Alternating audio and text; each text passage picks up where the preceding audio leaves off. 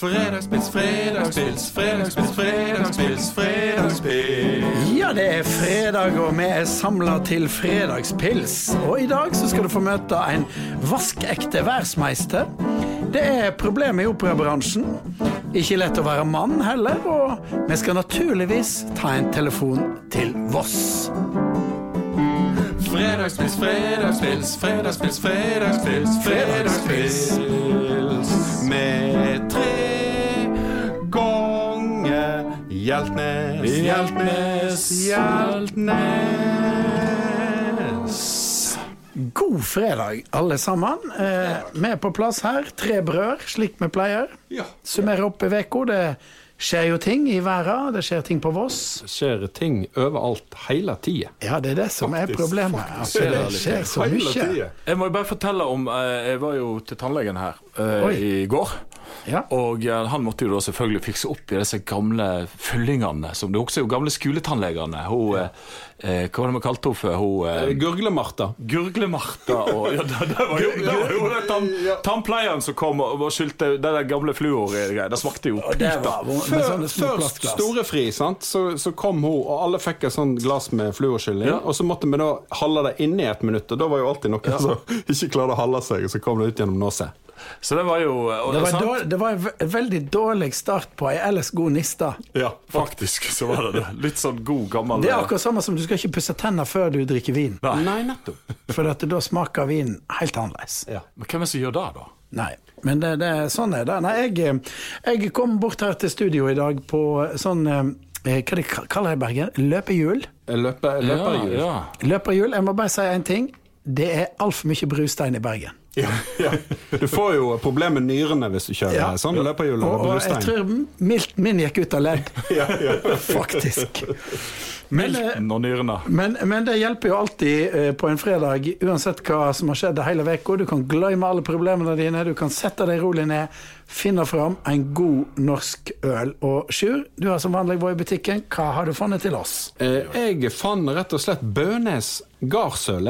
Øl fra Bønes gard i Bergen. Det er ikke, det er ikke no, en, en øl en får over hele verden, tror jeg. Nei, det er det Lysefjorden som tapper. Og han lager jo også gardsmat. Lager veldig god pølse, faktisk. Ja, det står vi på Bønes gård er genuint opptatt av mat og drikke. Maten lager vi selv, mens drikken måtte vi søke ut etter. Etter hvert fant vi ut at vi selv måtte sitte i førersetet for å finne den beste drikken. Og denne heter Gardsøl. Eh, da, hvis du kjenner noen i Bergen, så kan du jo få deg til å få tak i han. Han eh, sang faktisk i koret mitt, han som lager eh, Rune Bønes. Sang i mannskoret. Han hadde sånn utrolig dyp stemme og sånn. Åh. Så det er sikkert godt. Ja, jeg skal åpne. Det er jo svære flasker dette denne gangen. Oi, så der, Oi, den, den var- der den var da god. Bønnes Fart, var fruktfart. Sukker i buksa på den. Har du kjørt òg? Jeg, jeg tror kanskje jeg så vidt var innom en ride, jeg òg. Så på neste fått da. Ja. OK, vi kjører på. Ja, da eh, sier vi skål da med Bønes Gardsøl. Skål. Skål. Den var jæklig god, du, Sjur. Ja, god bassstemme. Fra han bass, bassmannen. Den var god. Veldig god. Det er jo, eh, med Bønes er jo eh, da en, en sånn type gard som, som da satser på lokale ting. og Bygdekulturen er jo eh, inn nå i disse tider. Folk bruker tid på lokalmat. Og, men det, det er liksom én ting med, med bygdekulturen som blir litt borte i medieflommen, og at alt blir så internasjonalt, sjøl små plasser som Voss. Ja. Eh, Det er jo rett og slett eh, mange færre bygdeoriginaler. Ja, Det var jo mange flere før. hvor er det blitt av bygdeoriginalene? Altså Sånne som gikk rundt og snakket høyt eh, for seg sjøl på gata. sant? Og nå har jo alle sammen handsfree, så nå går jo alle og snakker høyt på gata. Sånn det, Det ser jeg ikke. Det har ikke noe å gjøre på lenger. sant? Nei, på, altså, du har jo disse som var nå litt fuktige, sant? På, eh, på Voss. sant? Sjarmen, blant annet. Sjarmen. Men det var jo, det var jo ikke bare eh, originaler som var fuktige. Det var jo, men på Voss var det jo òg dette at alle fikk kallenavn. Ja. Ja, ja, ja. Og der er det jo ganske mange. Ja, men på Voss er Alle får kallenavn på Voss. Mange får jo bare sånn eh, et, et eh, EN etter navnet sitt. Ja, ja, ja. Ikke sant? Tvilden og Lidalen og ja, Nimmen og Finn. Og, Ja, ja. Og Men, men noen fikk skikkelige kallenavn. Ja. Husker du noen spesielt? Jeg husker jo, eh, sant Du hadde jo eh, med- med- Vi drev og spilte fotball i gamle dager, sant? Nede på fotballbanen igjen for der vi bodde. Der møttes jo mange om kveldene og spilte, og da var det jo Drøbb igjen. Ja. Og så var det jo Langøyra. og så var det jo eh, eh, Så hadde vi jo eh, eh, Bolleskyten. ja. Så hadde vi Prikken. Prikken, ja. Prikken var jo eh, keeper. eh, Og så hadde vi Vi hadde jo eh, Pellien. Gaggen. Gaggen. Gaggen, ja. Han Var er ikke en som min. var ikke en som ble kalt for Mauren nå? Jo, Mauren. Og så var det Svinet. Svinet, ja. ja. Han heter Sveinung, men han ble Svinet. Svine. Og Jernkjeven. Jernkjeven, ja, ikke minst. Han var jo stor og sterk. Han var, han var sterk. Men ja, ja, så var det jo eh, oppe i Skulstadmoen Men det er sant, eh, eh, disse her eh, eh, Go- Goggen. Goggen. Ja. Goggen. Goggen, ja. Goggen. Jeg hadde jo en lærer som var Falken. Ja, Falken, Falken. ja. Han heter jo ikke Falken til et navn, han, bare, han så ut som en falk. Ja, ja. Han var ganske streng. Han, eh, han raspa vel Gaggen faktisk oppi til veggen på Vangen skole på denne der. Hvorfor? Litt sånn rifla betongen. Det var, det var den gang det var lov å ta, ta i elevene. Raspa, raspa de litt på den der eh, eh, betongveggen. Det var lov å ta i elevene den gangen. Og så var det jo Store Knut. Ja. Nei, det var, det, men, men det er et eller annet med bygdeoriginaler som fors- forsvinner litt i, i handsfree-verden. Ja, det, altså nå, nå forsvinner jo folk ut på nettet, sant? så hvis du er litt løyen nå Så er det på Facebook. Ja, det kan du òg si. Uh, ellers er det jo sånn sant, at hvis du er, er interessert i, i veldig rare ting, så er det jo uh, minst uh, 1000 stykker rundt omkring av da verdens over 7 milliarder som er interessert i deg. Så da finner du et forum. Sant? Hvis du er interessert i, i skinnsetene i gamle Mercedeser, så har du plutselig 1000 stykker du kan snakke med. Så da, da trenger ikke du stå på Vangen og fortelle hvor eh, bra det er. Da kan du gå på nettet. Og det er jo litt synd, da, for da, da blir jo folk ikke igjen mye hjemme. Ja, eh, fargerike bygdeoriginaler savner meg litt. Ja. Jeg, jeg syns det. Det var jo det var jo noen, det var jo en episode som eh, far vår Jakob hadde når han var, var, ikke han på, han var på Vinmonopolet. Jo, og da var jo en av de som kanskje var litt fuktige. Eh, som hadde, han hadde jo alltid en sånn der kommuneveske, som vi kaller det. Kommunevesker. Kommuneveske, hvordan ser det ut? Kommuneveska er jo egentlig litt sånn stor bag. Som, sant, som du har over skulderen. Det er ikke så ulikt sånn som folk har i dag, men litt større. Altså Kommunevesker. Så det skal være plass til sakspapir og, og alt mulig. Og, og, og han hadde kommunevesker med sikkert ikke sakspapir i, da. Eh, Nei, da tror jeg ikke det var. og så, og så åpner polet klokka eh, ti, eh, og, og, eh, og far vår var ned på æren på Vangen, og han tenkte jo da at han skulle Han var jo tidlig oppe, og så skulle han handle til eh, seinere i helga, så da kom han litt før ti, da, sånn eh, fem på ti, før polet åpna, og der sto da vedkommende eh, eh, Som må være anonym. som må være anonym. ja. Eh, Så sto han der da framfor polet og ventet til det skulle åpne klokka ti. Og så står de der og venter, og så snur han seg til Jakob og sier han «Eh, Ja, det er nå ikke det. Jeg har noe hjemme òg. Han måtte ikke. Men Han måtte ikke. Han måtte skulle bare nett innom og handle litt. Nei, men det var mange det var jo, Og så hadde de jo mange kallenavn, de som var i idretten på Voss òg. Det var jo ikke sant, det var Pekkien og Eddien og eh, Alle hadde et kallenavn. Og så fikk Vi fikk jo kallenavn, for før Sjur ble født, så flytta jo vi til Voss. Ja. Det må være litt av en opplevelse. Det var en stor opplevelse. Det vet jo du ikke noe Nei, om. Vi bodde jo før det, så bodde vi jo i eh, altså Knut, Jeg bodde jo i Kristiansand og Lavik, og så bodde vi på Utne. Da ble Knuten født, og så var det Trondheim, og så var det Du bodde jo lenge i Trondheim, Ja, fem år. så det kan jo snakke Ja, jeg kan snakke til det. Jeg er sikkert på nærmere skole. Og der fikk vi kalle han Hjeltnesen. Hjeltnesen, ja. Hjeltnesen, jeg har bodd fem år, jeg gikk på Nardo skole. Men, eh, men så flyttet vi til Hammerfest, og så til Asker, og så kom vi til Voss. Ja. Og i klassen min var en som heter Even Gjerd. Han eh, lagde jo kallenavn til meg med en gang. For Ja. det, jeg visste jo ikke at jeg trengte kallenavn. Og da eh, Hjeltnes er litt langt, Ja. så da ble det Jelly. Jelly. Jelly, Jelly. Var, det der, da? Ja, ok. Det begynte med jelly, Begynte med jelly. og så var jelly litt sånn eh, fonetisk eh, problematisk. Ja. Så da ble det, eh, så ble det, det, det Hva det heter når et ord sakte endrer seg? Ja, dette vet du Gunstein, men det er sånn eh, transformasjon, og det går jo Ja. alltid mot for, for vanskelige bokstaver som HJ Ja. til lettere bokstaver, som i dette tilfellet var Ble G. G. Så det ble Gelly. Gelly. Gelly svinger mye mer av Ja, det enn Jelly. Ja, ja, ja. Jelly, jelly høres ikke bra ut. Ja, så, det, så gikk det da over til Gell igjen. Ja, og så- Gelly, ja, ja. Igjen. Og, og, så jeg var Gell i hele oppveksten. Men ble ikke, var du Jo, så ble jo jeg på en måte En mini-Gelly? Jeg ble minigell igjen. Ja, det er klart, da, for da visste du hvem jeg var. Og ofte var det jo sånn at kallenavnene ble knytta til i den nære familie. Ikke sant? Det var Store Knut, det var sikkert en liten Knut òg. ja. De som heter Store Knut, er alltid veldig små. Altså Det er sånn Store Lars og Store Knut er alltid sånn, det er veldig små.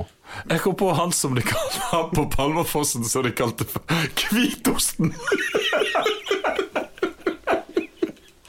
Har du sett Hvitosten? Og så tror jeg òg det var en på Palmafossen de kalte for Majonesen. Vet ikke hvorfor de begynte å kalle han for Ja, Har det har en du sett heter- Majonesen, eller? Det var en som heter Røver-Jens òg. Ja, Røver-Jens han var jo, han var jo taxisjåfør. Ja. Og på Voss var det jo den gamle taxibue der de satt inne i. sant? Den er jo nå blitt nesten eh, Du har hatt konsert inne i Ja, taxibuen. Ja da, ja da, vi har spilt det. Det er jo blitt kulturlokale nå, med plass til 20 stykk. Ja. Eh, Ikke- ikke, ikke- nå med restriksjoner, men da. Med restriksjoner plass til to. Ja, ja, ja. Eller én, kanskje.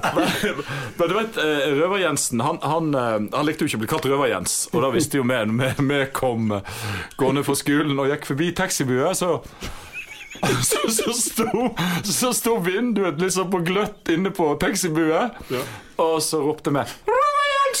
Og så, og så stakk han hodet ut, og så sa han 'Jeg skal gi dere røva, Jens'. Så sprang sprang vi som faen hjem igjen. Ja, men det var, det var gode tider. Men jeg syns at bygdeoriginaler og kallenavn må, må komme tilbake. Folk må legge litt innsats i det. Ja, det er klart, da. Det er, det er jo eh, kjekt eh, at eh, noen går litt, litt på sida. Ja, og så å lage seg, Når jeg skal lage seg sånne e-postnavn, så er det, det er veldig kjedelig å være eh, svein78 at gmail.com. Ja, eller nå er det vel egentlig Svein 2493. Ja, ja. At gmail.com. Så da er det mye bedre å, å, å, være da f.eks. mauren at gmail.com.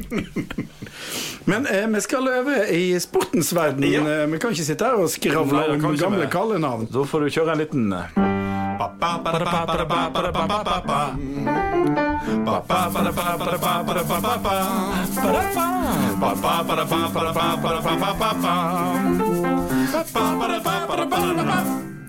Ja, eh, da skal vi ha sport. Det er jo jeg som er, jeg er litt sånn ansvarlig for.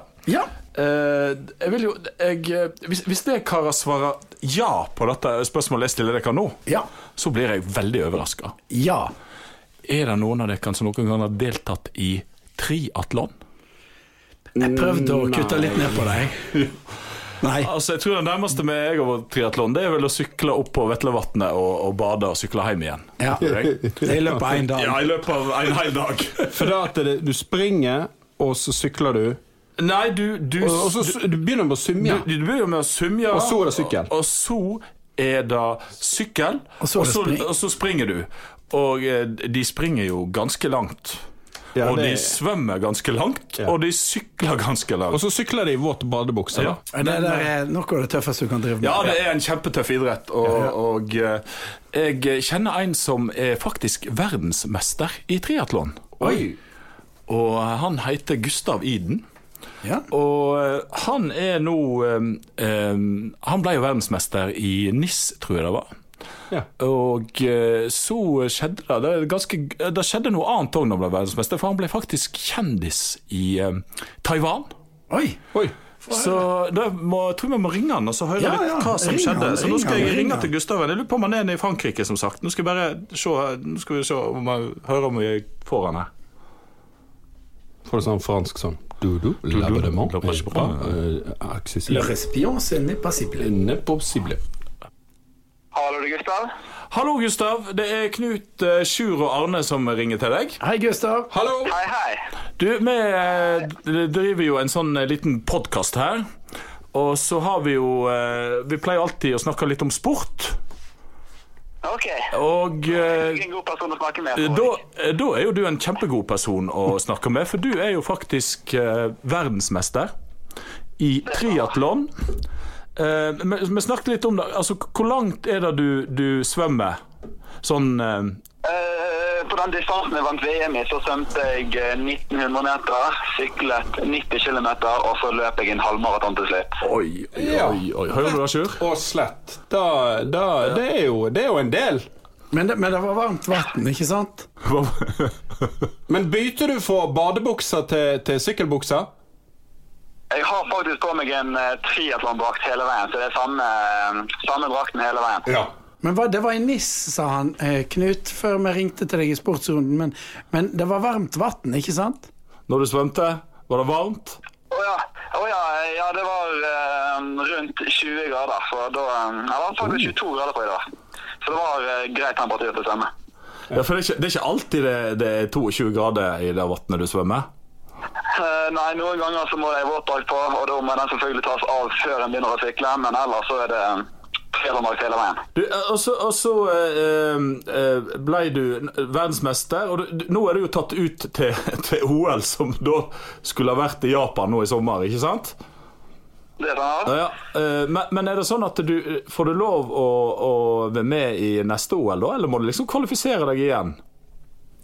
Eh, ja, jeg tror reglene er litt uklare akkurat nå. Og sånn som uh, triatlon internasjonalt som ble lagt opp, så er det ingen som er kvalifisert akkurat nå På grunn av Alt av ranking og sånt ble fryst når koronasituasjonen brøt ut. Men jeg regner jo selvfølgelig med å stille til start når OL kommer en eller annen gang.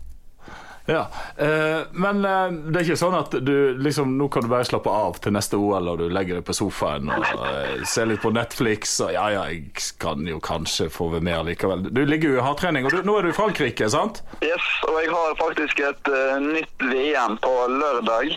Og nå på lørdag? I sprintdistansen, yes. Oi, oi, oi. Lukka til! Hva, hvor langt er det? Men sprint, da, er det litt, da svømmer du kanskje bare én kilometer, da, eller noe sånt? Ja, ganske nærmt. 750 meter svømming, 20 km sykkel og 5 km løp. Ja, men det er jo, det er jo ingenting. Du, blir ikke sliten Ja, Nei, det er jo en sprint. Men, men hva var det som gjorde at du begynte med dette, da, Gustav? Nei, jeg var en, eh, en veldig ivrig syklist og drev med litt løping på, eh, på siden. Og jeg, jeg kom på et sånt punkt der jeg fant ut at for å bli ja, Tour de France-mester i sykling, så måtte jeg egentlig legge løpingen på hyllen. Og jeg var jo så glad i løping at jeg ikke ville slutte med løpingen. Um, så da bestemte jeg for å lære meg å svømme i tillegg. Så da ble det triatlon for å unngå å velge vekk noe. Men, men jeg bare et spørsmål. Lærte du å svømme på, på Voss? Jeg har eh, svømt på Voss, ja. Var det der du lærte å svømme? Altså Første gang når du lærte å svømme av far din, regner jeg med, da, var, var, var det på utebading, eller var det inne i svømmehallen? Jeg kan ikke huske helt hvor jeg lærte å svømme, men han har gjort en ganske dårlig jobb. av, av de tre disiplinene så er det svømmingen helt klart er dårligst på. Så det får jeg skylde det på pappa, da. Ja, men du, og så var det jo nå når det, under den her eh, Når koronaen kom, så, had, så var det jo ikke lov å svømme. Var ikke det sånn? Altså, dere kunne ikke Jo, alle svømmehaller var jo stengt. Ja. ja hva gjorde du da? Jeg eh, hadde en såpass god nabo som hadde en eh, j- sånn jacuzzi til rådighet. Um, så da festet jeg et strikk rundt livet, og så fikk jeg akkurat plass i kroppslengen med armene strekt ut, så det fikk svømt litt i det bassenget. Og der lå du og, og, Og plaska! lå du der og plaska. Yes, men uh, han brukte det som boblebad eh, noen dager, så jeg kunne ikke temperaturen helt ned. Noen dager sendte jeg opp med å svømme i sånn 35-36 grader. Ja, og det var litt sånn smak av champagne og rødvin, da, som han hadde satt liksom oppe i boblebadet og kost seg. Han satt ikke i boblebadet mens du holdt på da, og drakk litt sjampis og coacha deg litt. Men det kan være et tips til folk. Jeg jeg, jeg heldigvis ha det for mye, for det var ikke så det bassenget. Men det fikk akkurat plass, da. Ja, ja. Men det, må, det kan være et tips til folk som syns de får for lite trim og har en jacuzzi. Få tak i en god syltestrikk. Ja. Svømmer du på. Men, men det skjedde jo noe på dette verdensmesterskapet, forstår jeg. I Nils, Ja. Ja? Uh, ja, det har blitt en ganske god historie ut av det. Ikke bare at jeg vant der som ja, en ikke i mine øyne, men i veldig mange andre øyne, så var jeg en ekstrem underdog. Og jeg hadde liksom ikke noe eh, rettighet til troen, da, for å si det sånn. Eh, det var det ene. Men det andre var jo at jeg, eh, jeg vant med en, en litt spesiell caps på hodet. Så den historien har jeg gått rundt en del ganger, men jeg får vel ta den igjen. Ja, du må ta den igjen. ja, ja. Hva var det som skjedde med den capsen, egentlig? Hvordan var det du fikk den der capsen? Ehm, det var innledningen opp på et eh, prøve-OL som eh, da var i fjor. Ja. Som var i samme løypen som OL skulle være. Så var jeg på treningscamp i Japan. Og mens jeg var der og, eh, og løp, så fant jeg en caps liggende på bakken. Og jeg, jeg syntes han var litt fet, så jeg bare tok den og begynte jeg å bruke han. Ja. Eh, kanskje ikke så normalt å bruke klær du finner på bakken, men Nei, det, var, litt sånn artig, artig skrift på en Ja. ting, så da bare tok jeg han og ja, begynte å bruke han. Og så um, hadde jeg ikke peiling på hva som sto på han, og vi var der og trente med noen japanere, og eh, jeg tenkte liksom, ja, de vet jo selvfølgelig hva som står på han, men de visste heller ikke hva som sto der. Um, og jeg syns det var litt rart, for hvorfor kunne ikke de forstå liksom, det jo deres skrifttype. Men det viste seg at um, kapsen ikke var fra Japan. Nei. Og så brukte jeg denne kapsen i um, verdensmesterskapet i NIS av egentlig bare praktiske hensyn av uh, ja, det er litt digg å løpe med caps når jeg er varmen, og så var det på en måte en liten en liten finger til alle de andre triatletene som kommer der med fullsmålet utstyr og Ja, ja. liksom har vært med mange ganger før. Så de kan liksom ikke velge noe hva de ha på seg. Så sponsorene bestemmer. Du skal den capsen, du skal de solbrillene, du skal det og det på deg. Ja. Mens jeg kom der liksom som en underdog og kunne bruke en caps jeg har funnet på bakken. Så det var litt artig. Men eh, i etterkant så viser det seg at den capsen var fra et tempel i Taiwan. En tempelcaps. En tempelcaps, ja. Hva, hva, som En står, hva som står på den, da? Vet du? Er er det bare navnet på tempelet, eller er det Det er bare navnet på tempelet og Ja. plasseringen på hvor tempelet er. Ja. Det er i Taichung, som er den nest største byen i Taiwan. OK. Eh, og så etter målgang så fikk jeg plutselig ekstremt mange nye følgere fra Taiwan. Eh, på Instagram, da. uh, og så fikk jeg masse meldinger og masse Taiwan-skrift. Ja. Og så neste dag så fikk jeg en, en link på YouTube til en nyhetssending fra Taiwan. Og der hadde de et 30 minutters innslag om capsen. De klarte å fylle 30 minutter med TV-tid bare med capsen og meg og historien til tempel og alt mulig rart. Jeg har ikke satt gjennom hele det, men jeg har spolt litt gjennom. Det er fantastisk hvordan de klarer å fylle nyhetstid i Taiwan. Det var helt utrolig gøy. Så du er stor eh, på Taiwan, du, da? Ja, jeg eh, har blitt litt eh, blitt stor der. Og så i etterkant så ble jeg eh, invitert over til Taiwan. Og uh, i starten tenkte jeg at det passer litt dårlig inn, så jeg gadd ikke reise over. Og så sa de jo da, du må komme. Vi betaler, vi betaler flybillettene. Jeg så, nei, det passer litt dårlig. Og så um, kom hun borgermesteren i den byen der tempelet er. da. Hun kom inn på, på, på Facebook. Og så skrev hun at eh, vi betaler uh, businessbillett, og du får penger for å komme over.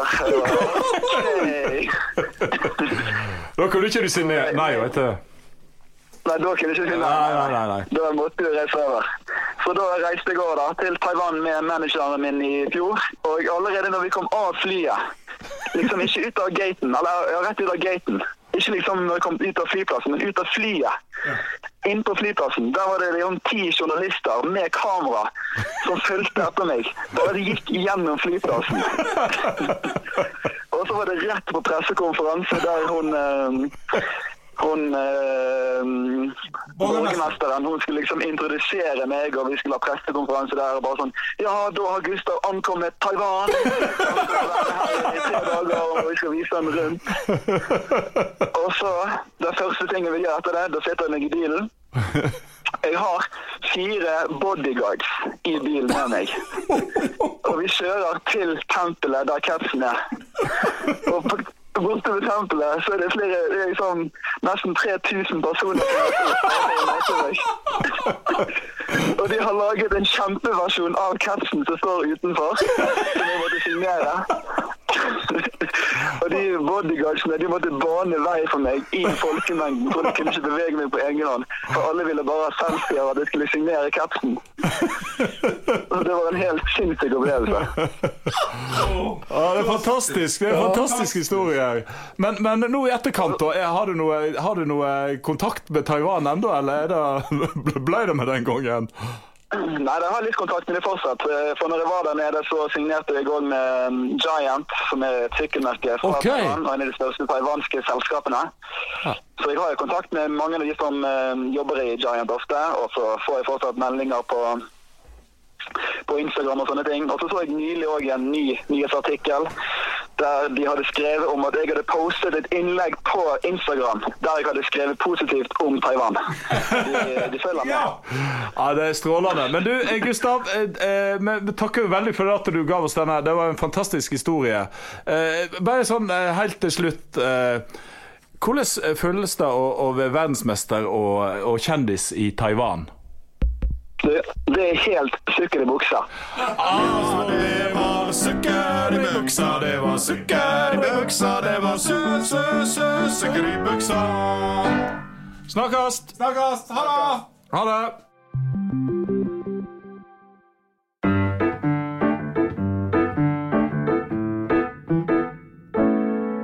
Nei, det er jo ikke lett å være musiker for tida, og det er jo spesielt nå ei gruppe som eh, eh, er da spesielt utsatt, og det er sangere. Og de som synger. For det, at, eh, det er jo sånn at eh, når du synger, så eh, kommer det jo partikler eh, ut av munnen. Sånne aerosol, aerosolpartikler ja. som, som eh, rett og slett eh, kan spre smitten. Ja. Og det er nå faktisk eh, blitt eh, så eh, mye usikkerhet rundt dette her, at det er en fyr som heter Declan Costello. Eh, Jeg vet ikke om han er slekt med Elvis. Elvis Eh, Costello, ja. Costello. Men han er ørenes-halslege i London, og, de sitter jo nå og så får de sangere og eh, folk som spiller blåseinstrument, til å spille inn i en sånn der tut. Ja. Og så måler de hvor mange, sånne der, hvor mange dråper det kommer, og hvor langt de går. For det at eh, Korsang for eksempel, er jo eh, nå blitt veldig strenge restriksjoner i de landene der det var en korøvelse der alle ble smitta, for én hadde det. Sant? For at det, disse her dråpene går ut. Og da er det kommet et eh, løsningsforslag, eh, helt seriøst faktisk, og det er at eh, Særlig de som synger sterkt, operasangere og, eh, og lignende, de må eh, kanskje synge svakere. Nei. Hvordan, ja, hvordan skal det gå? Det er Nei, det må jo bli som Vanligvis er det jo Å, så Men da må det jo bli um... Er vi Stane framtida Det blir jo liksom litt annen kvalitet. Vi jo Stane framtida og det gjelder jo ikke bare eh, selvsagt operasanger, men det gjelder jo alle som synger sterkt. sant? Så vi har jo eh, Ja, sant?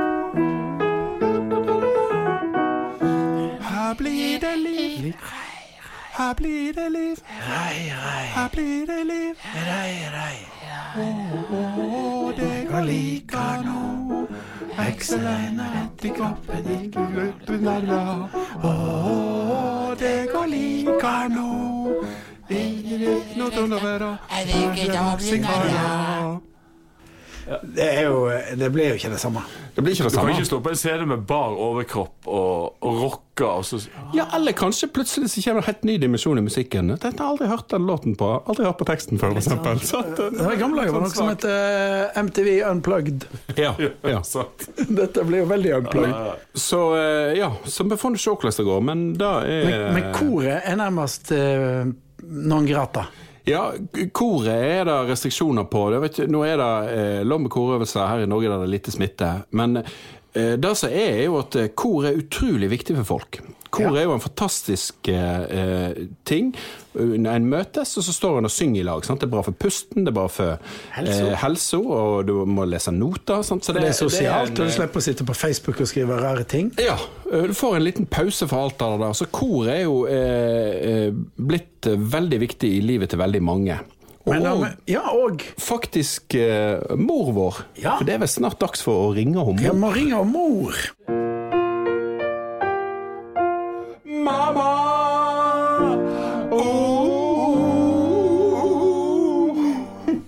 Du får ringe og uh, Sjur.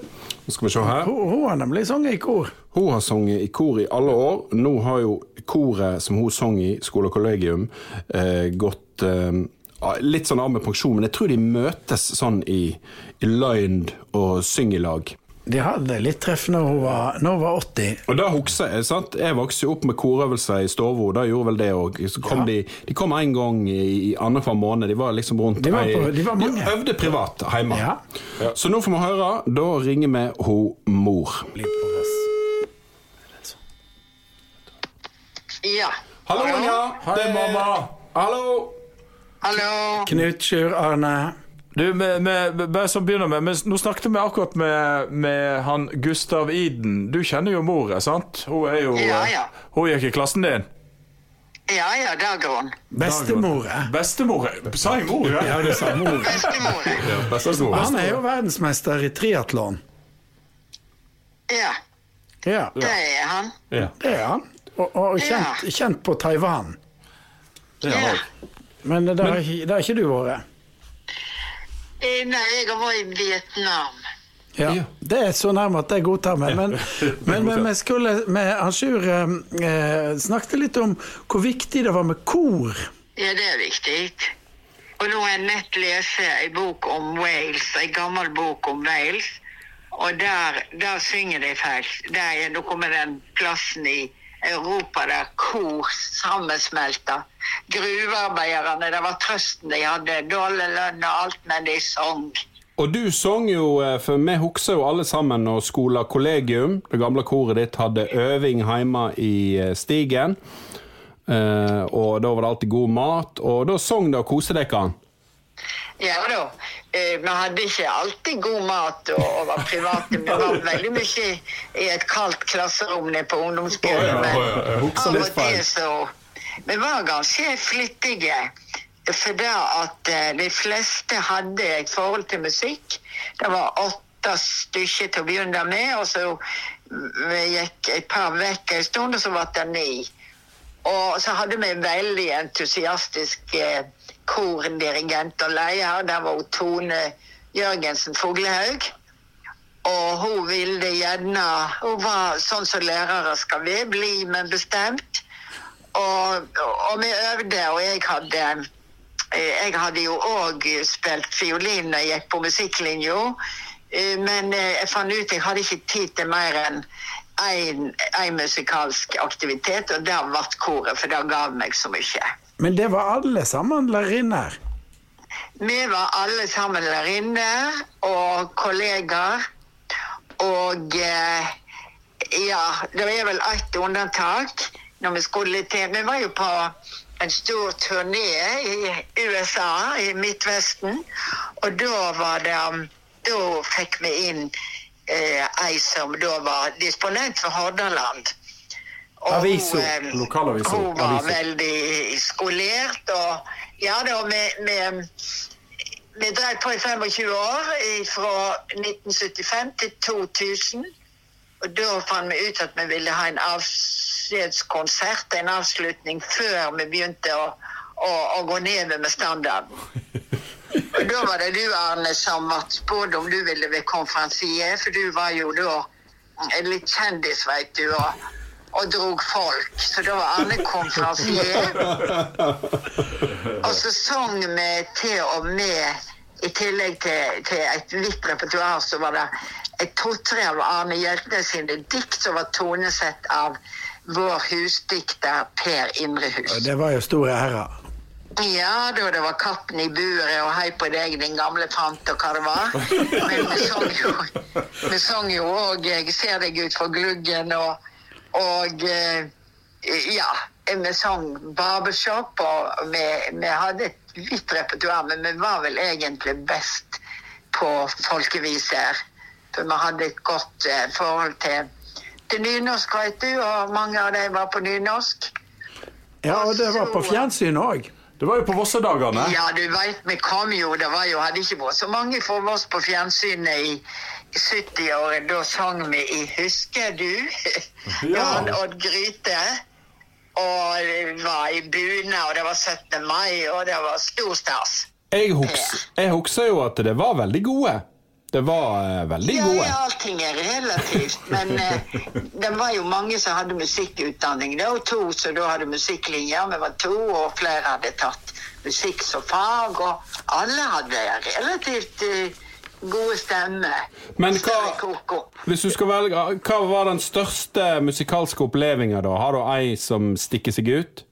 Ja, jeg veit ikke. Tenker du på eh, hva er av, av repertoaret? Nei, eller en kons- konsert som var spesielt god, eller har du Ja, en altså, vi fikk veldig flott eh, eh, nær sagt eh, kritikk i, etter vi hadde sunget i Magnuskatedralen i, Kirkwall. i, eh, på Kirkwall.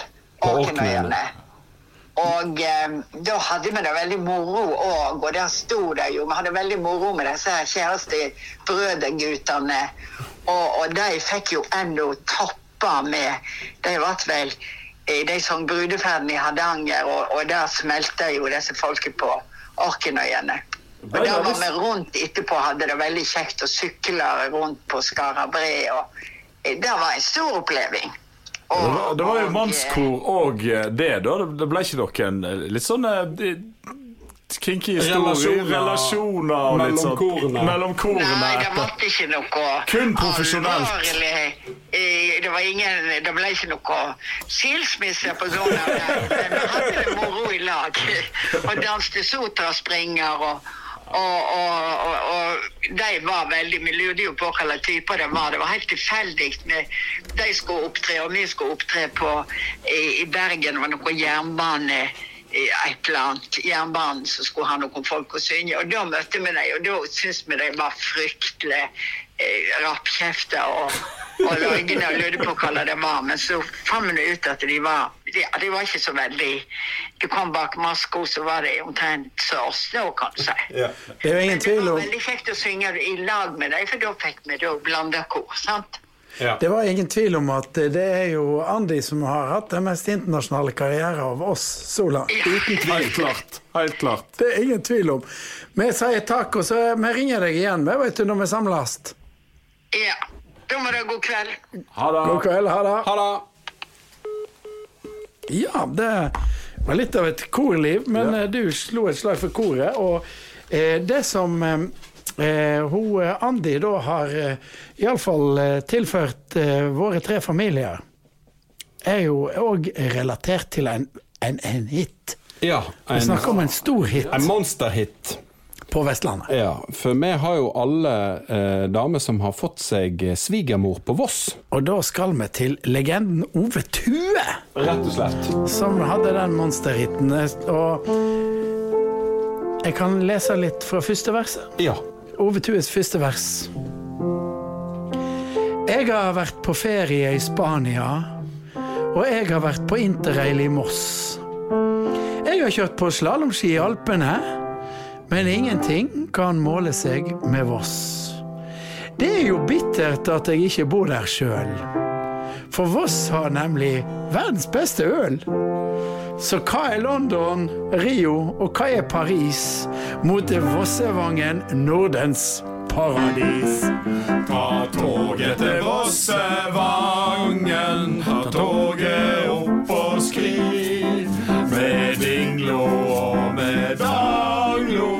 vi svever i det fri.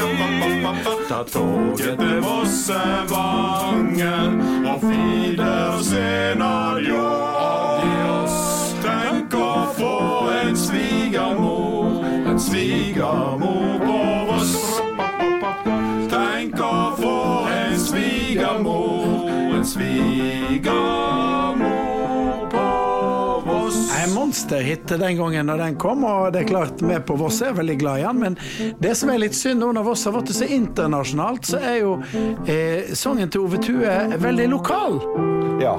Så da gjør vi som vi pleier å gjøre. Vi har rett og slett Google Translator. Sånn at den når ut til alle de menneskene der ute i verden. Og det fins jo sikkert haugavis. Fra Taiwan til Seychellen til Mauritius og Cuba som ønsker seg en svigermor på Voss. This one is for all you longing for a mother-in-law in Voss. Take the A-train to Vossevangen. Take the A-train up and ski.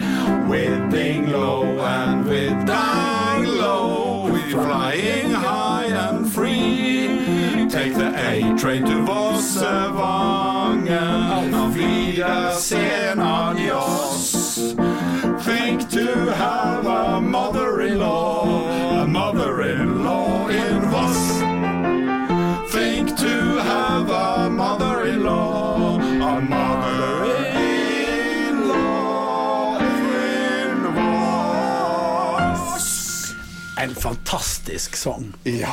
Men det er dessverre slutt. Eh, Denne fredagspilsen vi dukker opp med med tre ganger Hjeltnes neste fredag, hvis alt går som det skal og det skjer noe ute i verden eller hjemme på Voss. Vi sier tusen takk til deg som har fulgt med oss. Vi sier takk til Daniel Birkeland, som har vært teknikeren vår, og vi sier takk for laget. Fredagspils, fredagspils, fredagspils, fredagspils, fredagspils.